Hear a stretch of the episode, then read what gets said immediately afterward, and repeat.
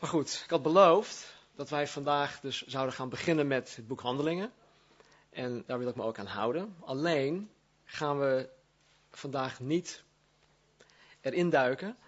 Ik wil vandaag uh, even kort ja, wat, wat, tijd besteden aan een, een, een inleiding. Um, omdat ik denk dat een, een, korte inleiding van het boek Handelingen ons zal helpen bij het plaatsen van een aantal zaken. Um, dus als jullie de, ja, met de verwachting uh, waren gekomen om. Hallo. Dat we er meteen gingen induiken, dat begint volgende week pas. Nou, handelingen, het boek Handelingen, is het vervolg van de evangeliën. En in het bijzonder het vervolg van Lucas. En het vormt een brug van de evangeliën naar de brieven toe. En voor, voor degenen die het nog niet weten, het Nieuw Testament bestaat uit 27 boeken. Je hebt de evangelie van hè, Matthäus, Marcus, Lucas, Johannes. Dan heb je het boek Handelingen. En dan heb je een reeks brieven die geschreven zijn door onder andere Paulus, hè, de Petrus, Johannes heeft een aantal brieven geschreven.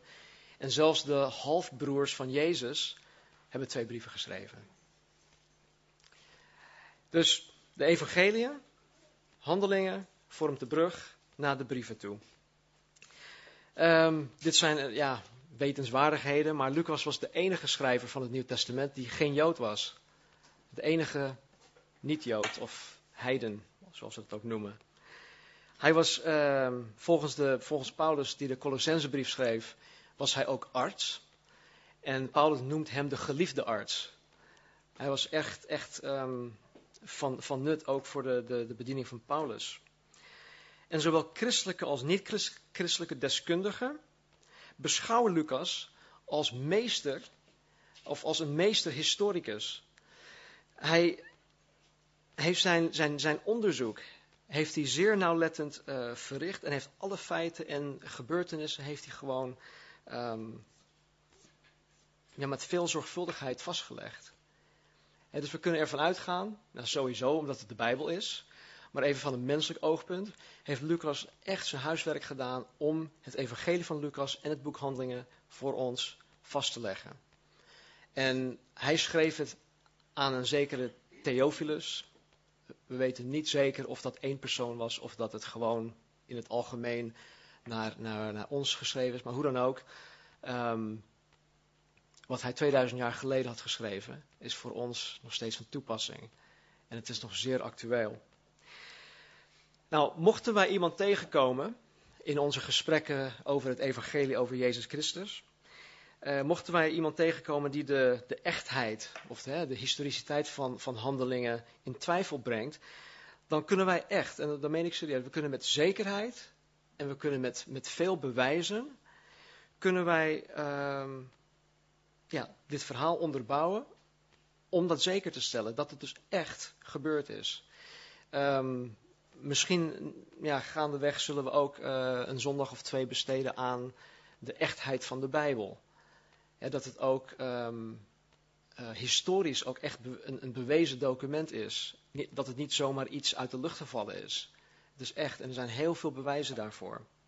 Maar goed, er zijn een aantal dingen, uh, toen ik het las, die duidelijk uitspringen in handelingen. Ik denk dat wij uit deze dingen kunnen zien wat voor God belangrijk is. En waarop wij als startende gemeente op moeten focussen.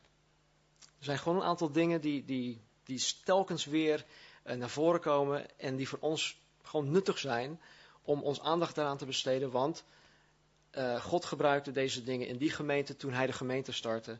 En dat kan van ons um, ook van nut zijn.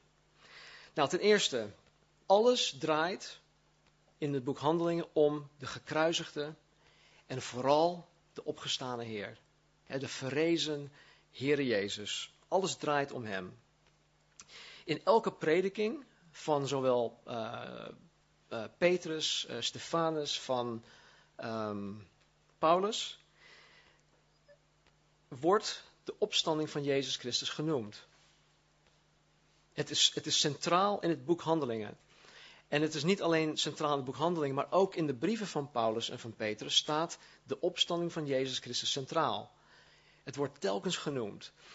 En de, ehm, de discipelen, de twaalf, maar dan ook de 120 die in, in die bovenkamer zaten toen de Heilige Geest uitgestort werd met, met Pinksteren, die mensen die waren allemaal getuigen van de opgestane Heer, van de verrezen Heer Jezus. Even later in de brief Korinthe zegt Paulus dat, dat hij, dat hij hè, tot meerdere malen toe dat hij zich had vertoond. Van joh, hier ben ik, ik ben de opgestane Heer. En dat in totaal iets van 500 mensen getuigen zijn geweest van de levende Jezus Christus. En uh, Lucas begint, of, ja, begint uh, het boek Handelingen ook met, met, met, met, die, uh, met het feit dat Jezus heel veel bewijs heeft achtergelaten dat hij inderdaad opgestaan was uit de dood. Dus alles draait in handelingen om de opgestane Heer. Er is ook een tweede, een tweede ding, is dat um, Jezus gaf aan het begin, vlak voor zijn, voor zijn hemelvaart, gaf hij een, um, een profetie. In Handelingen 1, vers 8 staat er dit. U zult de kracht van de Heilige Geest ontvangen, die over u komen zal, en u zult mijn getuige zijn, zowel in Jeruzalem als in heel Judea en Samaria, en tot aan het uiterste van de aarde. Als, je, als we verder kijken, dan zien wij dat, wij, uh, dat, dat ze inderdaad getuigen waren. Getuigen. Ze getuigden van Jezus. En dat is niet alleen het vertellen van, maar ze, ze waren getuigen van Jezus. En in een periode van twee jaar tijd ging het evangelie door heel Jeruzalem heen. Dus eh, er, staat er, zelfs in uh, verdere hoofdstukken dat uh, ze worden beschuldigd dat de discipelen de hele stad Jeruzalem hebben vervuld met deze leer. En hadden ze, hadden ze ook gedaan. In twee jaar tijd. De hele stad Jeruzalem. Even verder. En dan kijken we in hoofdstuk 8, vers 1. Heb ik een stukje gelezen. Even kijken hoor. Ja, vers 1. Uh, beginnen met. En er is ontstond op die dag een grote vervolging tegen de gemeente die in Jeruzalem was. En zij werden allen verstrooid over de landstreken van Judea en Samaria, met uitzondering van de apostelen. En vers 4. Zij dan die verstrooid waren, trokken het land door en verkondigden het woord. En vanaf hoofdstuk 8 tot en met hoofdstuk 12 zien we dat de discipelen getuigen waren in geheel Judea en geheel Samaria. Vervolgens gingen ze naar de heidenen toe, de niet-Joden. En dat zien we in hoofdstuk 13, vers 1 tot en met 5.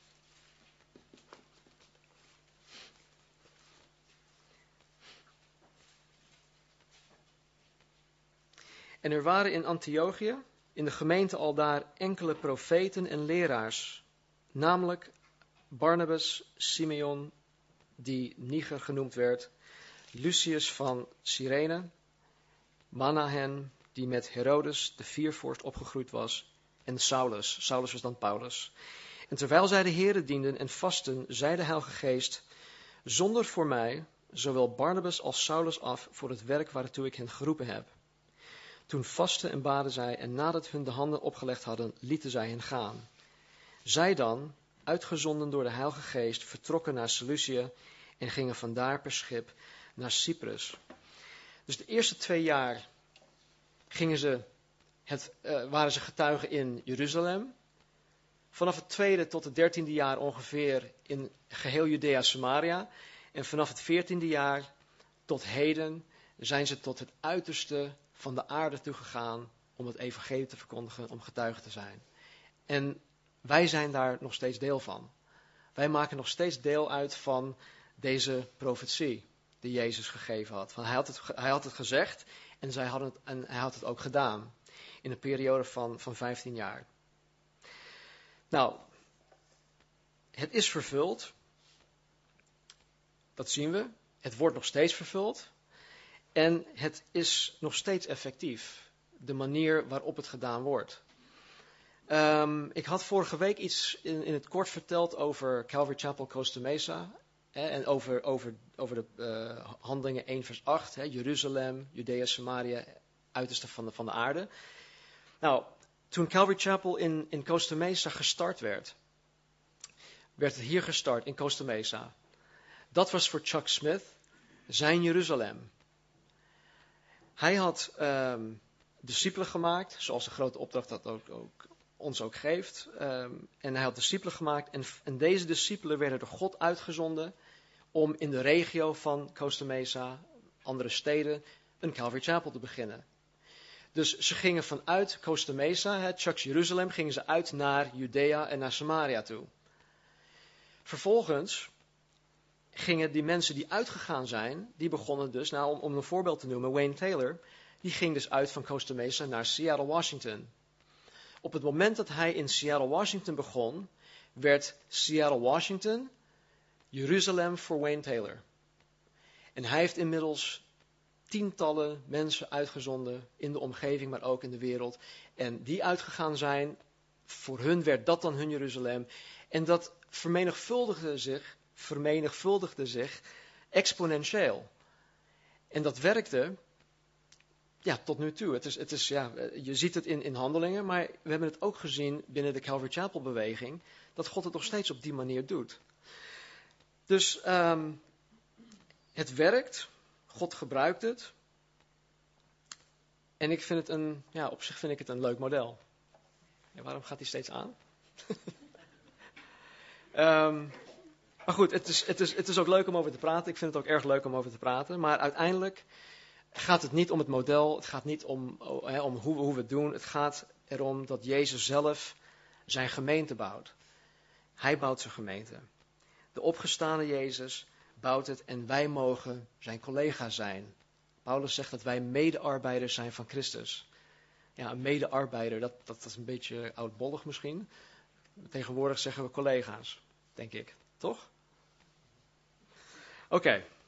In Matthäus hoofdstuk uh, eh, 16, vers 18 zegt Jezus dat hij zijn gemeente bouwt. Hij zegt, ik zal mijn gemeente bouwen. En hij bouwt het door middel van zijn Heilige Geest, die in en door ons heen werken. Wij zijn als het ware zijn handen en voeten, wij zijn zijn spreekbuis, wij zijn zijn oren en, en, en al dat soort dingen. Wij, wij, wij doen het uiteindelijk met onze lichamen, maar het is de kracht van Jezus die door zijn Heilige Geest in ons woont en door ons heen vloeit, die uiteindelijk de gemeente bouwt en de gemeente sticht. Als we het hebben over gemeente bouwen, dan, denken we, dan denk ik in ieder geval het eerste aan aantallen. we gaan bouwen. Ehm, we, willen, we willen 100 mensen hebben. Van 100 willen we misschien 200 of 300. We willen in grootte willen we, ehm, willen we meer, meer worden. Maar ik denk dat Jezus, dat heeft hij wel voor ogen, want dat zullen we ook zien zometeen. Maar Jezus wil mij opbouwen. Jezus wil jullie opbouwen. Als individu. Als persoon. En dat is ook het werk van Jezus. Dat is ook het werk van de Heilige Geest die in ons werkt om ons op te bouwen. En daar kom ik straks nog op terug. Laten we even kijken naar een aantal uh, gebeurtenissen in handelingen. Waar we zien dat wat Jezus in, in, in Matthäus ook zei, want Jezus zei, ik zal mijn gemeente bouwen. En dan zien we dat ook, dat het, dat het ook werkelijk gebeurt in handelingen. In handelingen 2 vers 41. Ik heb ze allemaal opgeschreven, je hoeft ze niet op te zoeken als dat te lastig is. Ik heb ze, kan ze achteraf ook uh, aan je doorgeven. Maar er staat hier, zij nu, die zijn woord met vreugde aannamen, werden gedoopt en ongeveer 3000 zielen werden er op die dag aan hen toegevoegd. Even verder in hoofdstuk 2, vers 47. En zij prezen God en vonden genade bij heel het volk. En de Heere voegde dagelijks mensen die zalig werden aan de gemeente toe. De Heere voegde mensen toe. In handelingen 4:4. En vele van hen die het woord gehoord hadden, geloofden en het aantal mannen werd ongeveer 5000. Handelingen 5, vers 14. En er werden steeds meer toegevoegd die de Heere geloofden. Menigten van zowel mannen als vrouwen. In 6 vers 7. En het woord van God verbreidde zich en het aantal discipelen in Jeruzalem nam sterk toe. En een grote menigte priesters werd aan het geloof gehoorzaam. Dat is geweldig. Dat priesters in dienst van de, de, de Heer in het Jodendom, die eigenlijk helemaal geen relatie hadden met God, die zo ver afgeweken waren van de waarheid van, van de Bijbel, die kwamen ook tot geloof. En je zou zeggen, nou, priesters, dat zijn, dat zijn mannen gods, die, die, die geloven in God. Toch? Maar hier staat er dat zij tot geloof kwamen en dat zij het geloof gehoorzaamden. Handelingen 9:31. De gemeenten dan in heel Judea, daar heb je het, Galilea en Samaria, hadden vrede en werden opgebouwd. En zij wandelden in de vrezen des Heren en namen door de vertroosting van de Heilige Geest in aantal toe.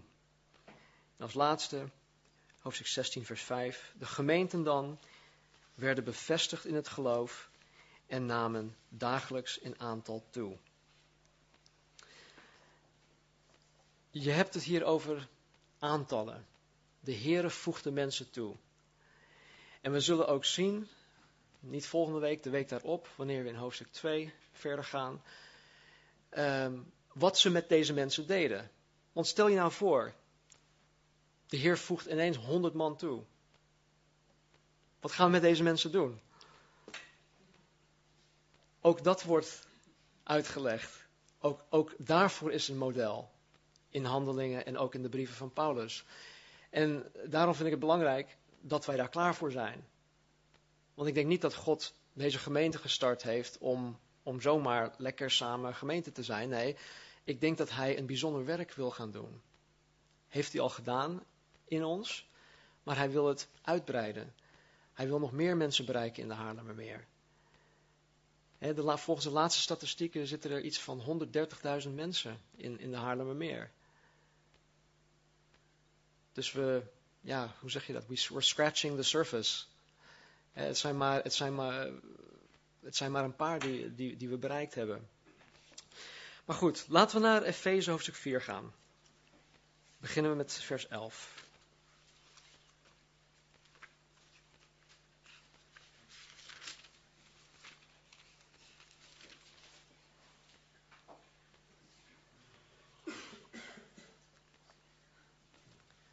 Als er iemand is die geen Bijbel heeft, we hebben hier nog extra Bijbels. Is dat nodig? Nee? Oké. Nou, in dit gedeelte geeft Paulus aan wat, um, wat aan de gemeente gegeven is. Maar wat we als het ware moeten doen. stel dat er honderd mensen komen. Wat horen wij als gemeente te doen? In vers 11 staat er: En hij, dus Jezus, heeft sommigen gegeven als apostelen, anderen als profeten, anderen als evangelisten en anderen als herders en leraars. Om de heiligen, dat zijn wij, toe te rusten tot het werk van de bediening, tot opbouw van het lichaam van Christus.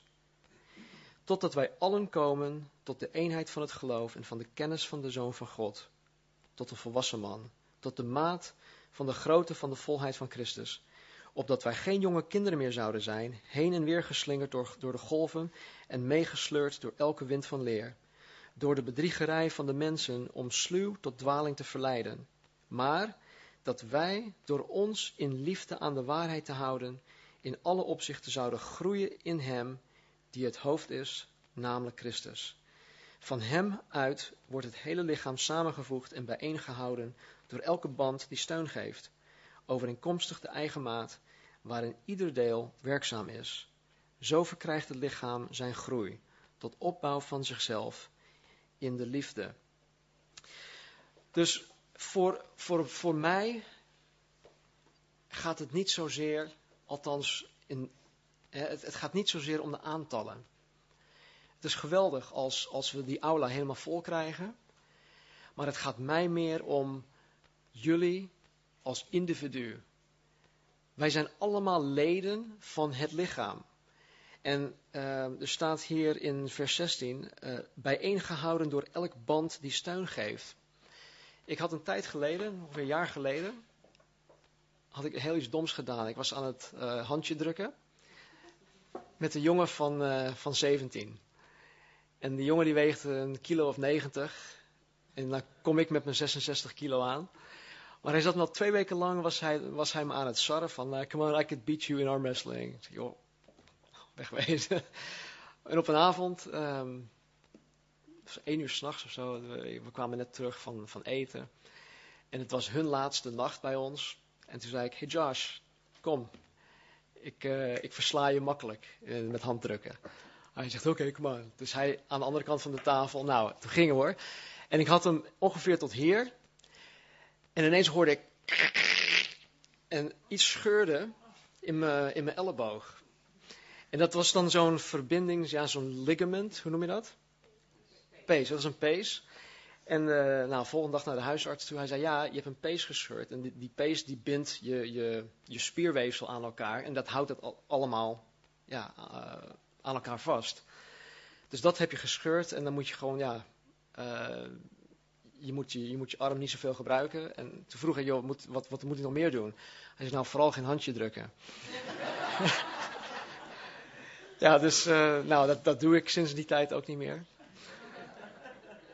Maar in mijn lichaam zie ik dan hoe belangrijk zo'n klein stukje bindweefsel is, zo'n zo'n pees. Want ik kon verder weinig met mijn arm doen. En God, het is Gods verlangen dat wij ook op die manier verbonden zijn met elkaar. En soms dienen wij als een pees, soms dienen we als een, een, een spier of, of wat dan ook. En, en het is God die die ons gebruikt en ons de gave geeft op het moment dat het nodig is. En dat lezen we ook in 1 Korinthe hoofdstuk 12, dat, het, dat hij gave geeft zoals hij dat wil. En ik kan nooit zeggen van, jongens, ik heb de gave van dit en dat ik het alle minuut uit mijn zak kan, kan halen van, joh, ik heb die gave en ik gebruik het. Hij is degene die het geeft. En ik denk dat het Gods verlangen is om onder ons, uh, die ga, dat hij die gave aan ons geeft om elkaar als een lichaam um, te ondersteunen, uh, te gebruiken, elkaar op te bouwen. Als individu, maar ook collectief als, als, als lichaam. Goed, dus groei en opbouwen is niet alleen uh, in getallen. Laten we naar 2 Timotheus gaan. 2 Timotheus hoofdstuk 3.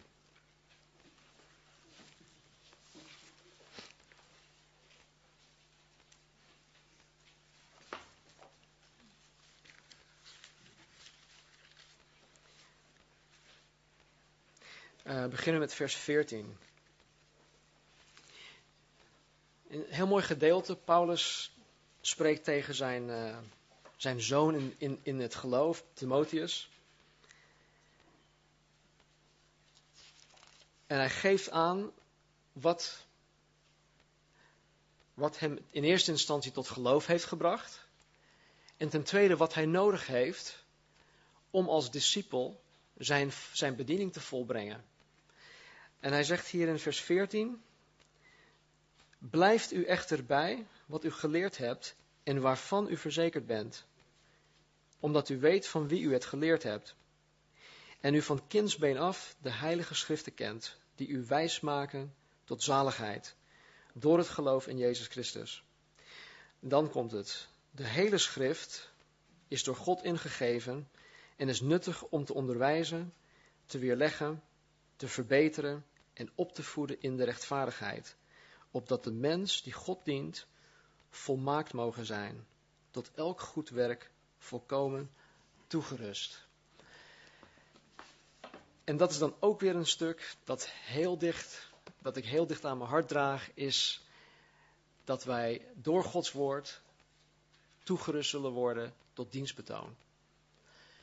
We zullen zien dat wanneer we door de brief Handelingen of de, het boek Handelingen gaan, dat er zoveel wijze lessen in zitten, zoveel mooie voorbeelden, waarvan wij als persoon, hè, dus in mijn persoonlijke relatie met God, dat we daarin kunnen groeien en dat we opgebouwd zullen worden.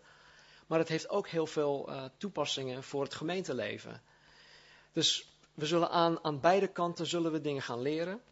Uh, sommige dingen zullen misschien herkenbaar zijn voor jullie.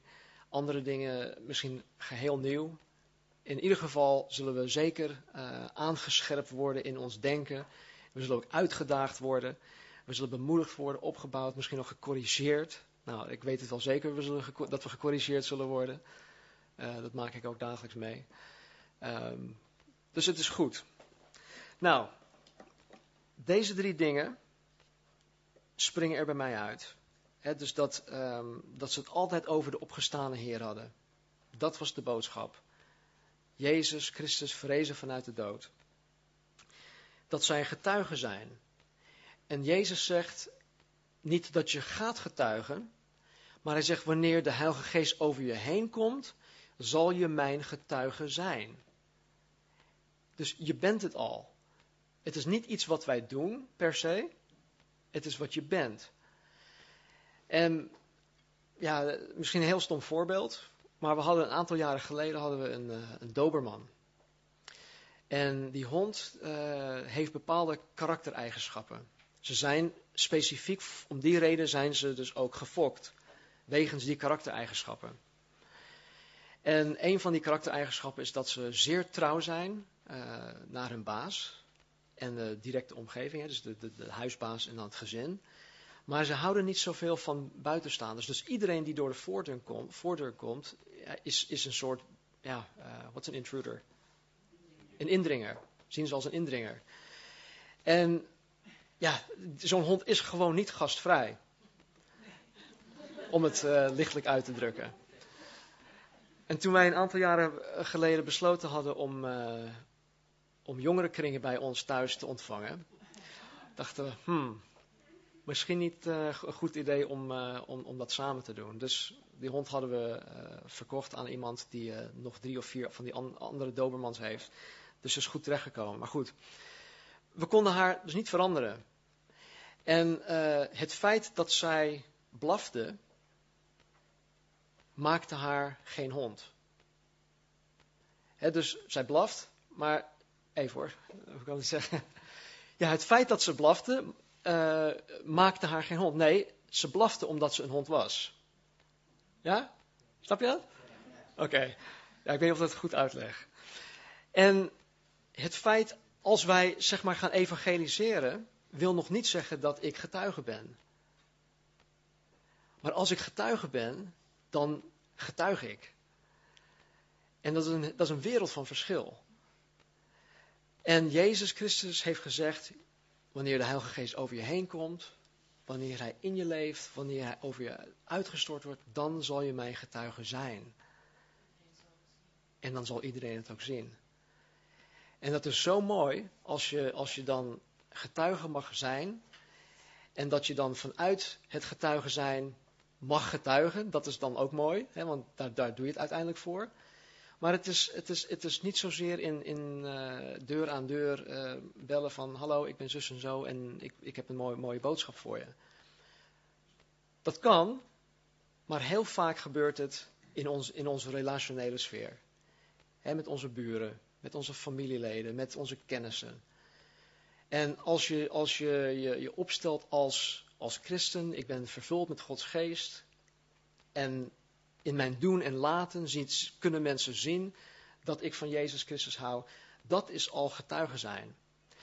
En als je dan de gelegenheid krijgt om de Bijbel open te slaan of wat het woord van God met hun te delen, dan weegt het veel zwaarder bij iemand dan dat je alleen maar het woord deelt met mensen zonder dat je zelf in je doen en laten Jezus Christus uitstraalt.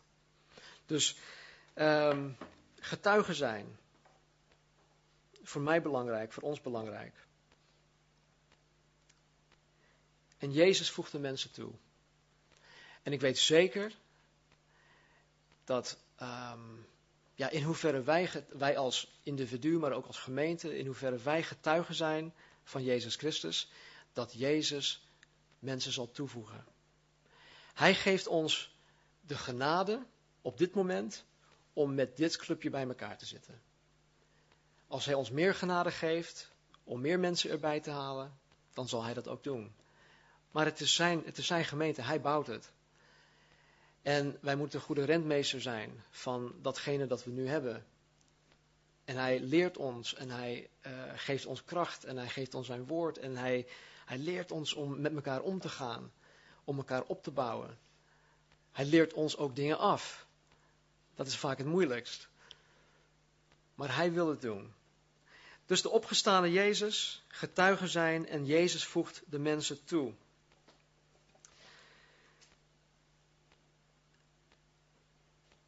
Ik weet um, dat ik het zonder de Heilige Geest absoluut niet kan. Ik heb jarenlang, um, of ik ben jarenlang christen geweest, zonder bewust te zijn geweest dat de Heilige Geest ook over mij heen kan komen, zoals Jezus dat zegt in Handelingen 1 vers 8. In Johannes, uh, in het ja, Johannes Evangelie spreekt Jezus over de Heilige Geest. Hij zei tegen zijn discipelen, de Heilige Geest die de wereld niet kent, is met jullie. En hij zal in jullie zijn.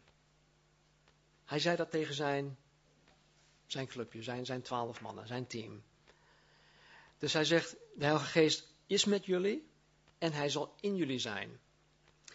In, dezelfde, in hetzelfde, ja, dezelfde evangelie van Johannes, ik denk in hoofdstuk 21, na zijn opstanding waren de discipelen bijeen en er staat dat hij over hen blies. En hij, hij blies over hen heen en hij zei, ontvang de Heilige Geest. En op dat moment was de Heilige Geest in hun. Nou, voor ons geldt dat nog steeds. Voordat wij tot geloof kwamen, was de Heilige Geest met ons. Hij was met ons om ons te overtuigen van zonde, van gerechtigheid en van oordeel. Hij was met ons en hij overtuigde ons dat Jezus inderdaad was of is wie hij beweert te zijn. Hij overtuigde ons van de, de waarheid van de Bijbel. En hij was met ons. Op het moment dat wij onszelf gaven aan Jezus en zeiden: Heer, ik geloof het. Ik geloof in u. Vergeef me van alle zonden. Ik bekeer me en Heer, neem mijn leven. Kwam de Heilige Geest in ons en vanaf dat moment zijn wij verzegeld. Wij zijn nu, we hebben nu de, de, de, de stempel van God op ons. Wij behoren tot Hem. En dat gebeurde ook met alle discipelen. Maar vlak voor de hemelvaart zegt, zegt Jezus: Oké, jullie hebben de Heilige Geest ontvangen, want dat gebeurde al in Johannes. Nu zeg ik: wacht op de belofte van de Vader. En de belofte van de Vader is de doop van de Heilige Geest. En wanneer dat gebeurt, zal je pas kracht ontvangen. Dus mijn vraag is: ervaar je die kracht? Kan je van jezelf zeggen: hé, hey, ik, ik, ik ben een getuige. Ik doe het misschien niet zo vaak, maar ik weet dat in mijn hart, in mijn doen en laten, ben ik getuige. Als het niet het geval is, dan wil ik heel graag voor je bidden. Jezus zei, je wordt gedoopt met de geest. In Handelingen hoofdstuk 2 zegt Lucas, en allen waren vervuld met de geest. Dus of je het nu dopen noemt, vervuld zijn, het maakt allemaal niet uit. Het is, het is allemaal hetzelfde. Het belangrijke is, hebben we het? Zijn we het? Laten we bidden. Heer, ik dank u. ik dank u, Heer, voor uw, uw woord. Heer, er is geen enkel, enkele zaak, Heer, in ons leven, hier op aarde, waarop u, waarop u geen antwoord hebt, Heer. De Bijbel is compleet. En Heer, hoe we hier ook gekomen zijn. Ik weet, Heer, dat U ja, tot ons gesproken hebt. En Heer, we hebben U zo nodig. Heer, ik weet dat we hier zitten, Heer, met het verlangen, Heer, om U te dienen, om U te kennen. Heer, om getuige te zijn. Dat is het voordeel, Heer, als ik ja, de mensen nog ken. En dat is het voordeel van zo'n klein clubje, Heer. Dat ik ze nog persoonlijk ken en dat ik van hen persoonlijk ook weet dat ze U willen kennen en U willen dienen. en, u, en voor u getuigen zijn. En Heer, mocht er iemand zijn, Heer, die, die twijfelt. Of misschien ja, nooit had, hierover had nagedacht. Maar Heer, die diep in hun hart het verlangen heeft, Heer, om, om gedoopt, om vervuld te zijn met uw Heilige Geest. Heer, om getuige te zijn. Heer, om christen te, te kunnen zijn in deze duistere wereld. Heer, raak hen op dit moment aan. Heer, we ontvangen uw Heilige Geest in en door geloof. Ik dank u, Heer, dat we zeker kunnen zijn, Heer, dat op het moment dat we het vragen, Heer, vanuit ons hart, Heer, dat u het ook doet. En zoals we in het boek Handelingen zien, dat u het elke keer weer op een andere manier had gedaan. Zo ook nu, Heer.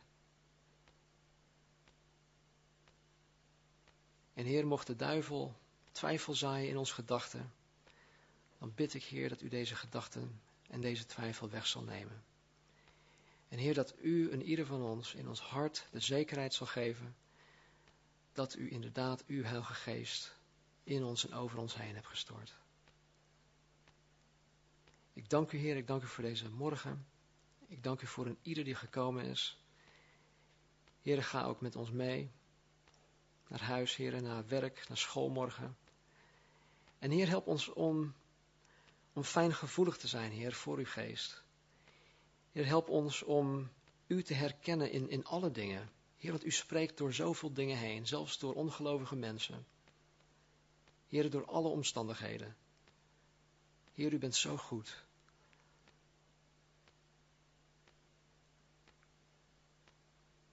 Zo, heren, ik dank u. Ik zie uit, heren, naar volgende week. Heren, wat u in ons en door ons heen gaat doen, onder ons. En ik zie uit, heren, naar, uh, naar de berichten, heer. Berichten dat mensen bewust zijn geworden. Dat ze dingen ook anders gingen, gaan zien deze week. Dat u hen dingen hebt laten zien. Heer, want u wil het. We hoeven u niet te overtuigen, Heer. Overtuig ons. In Jezus' naam. Amen.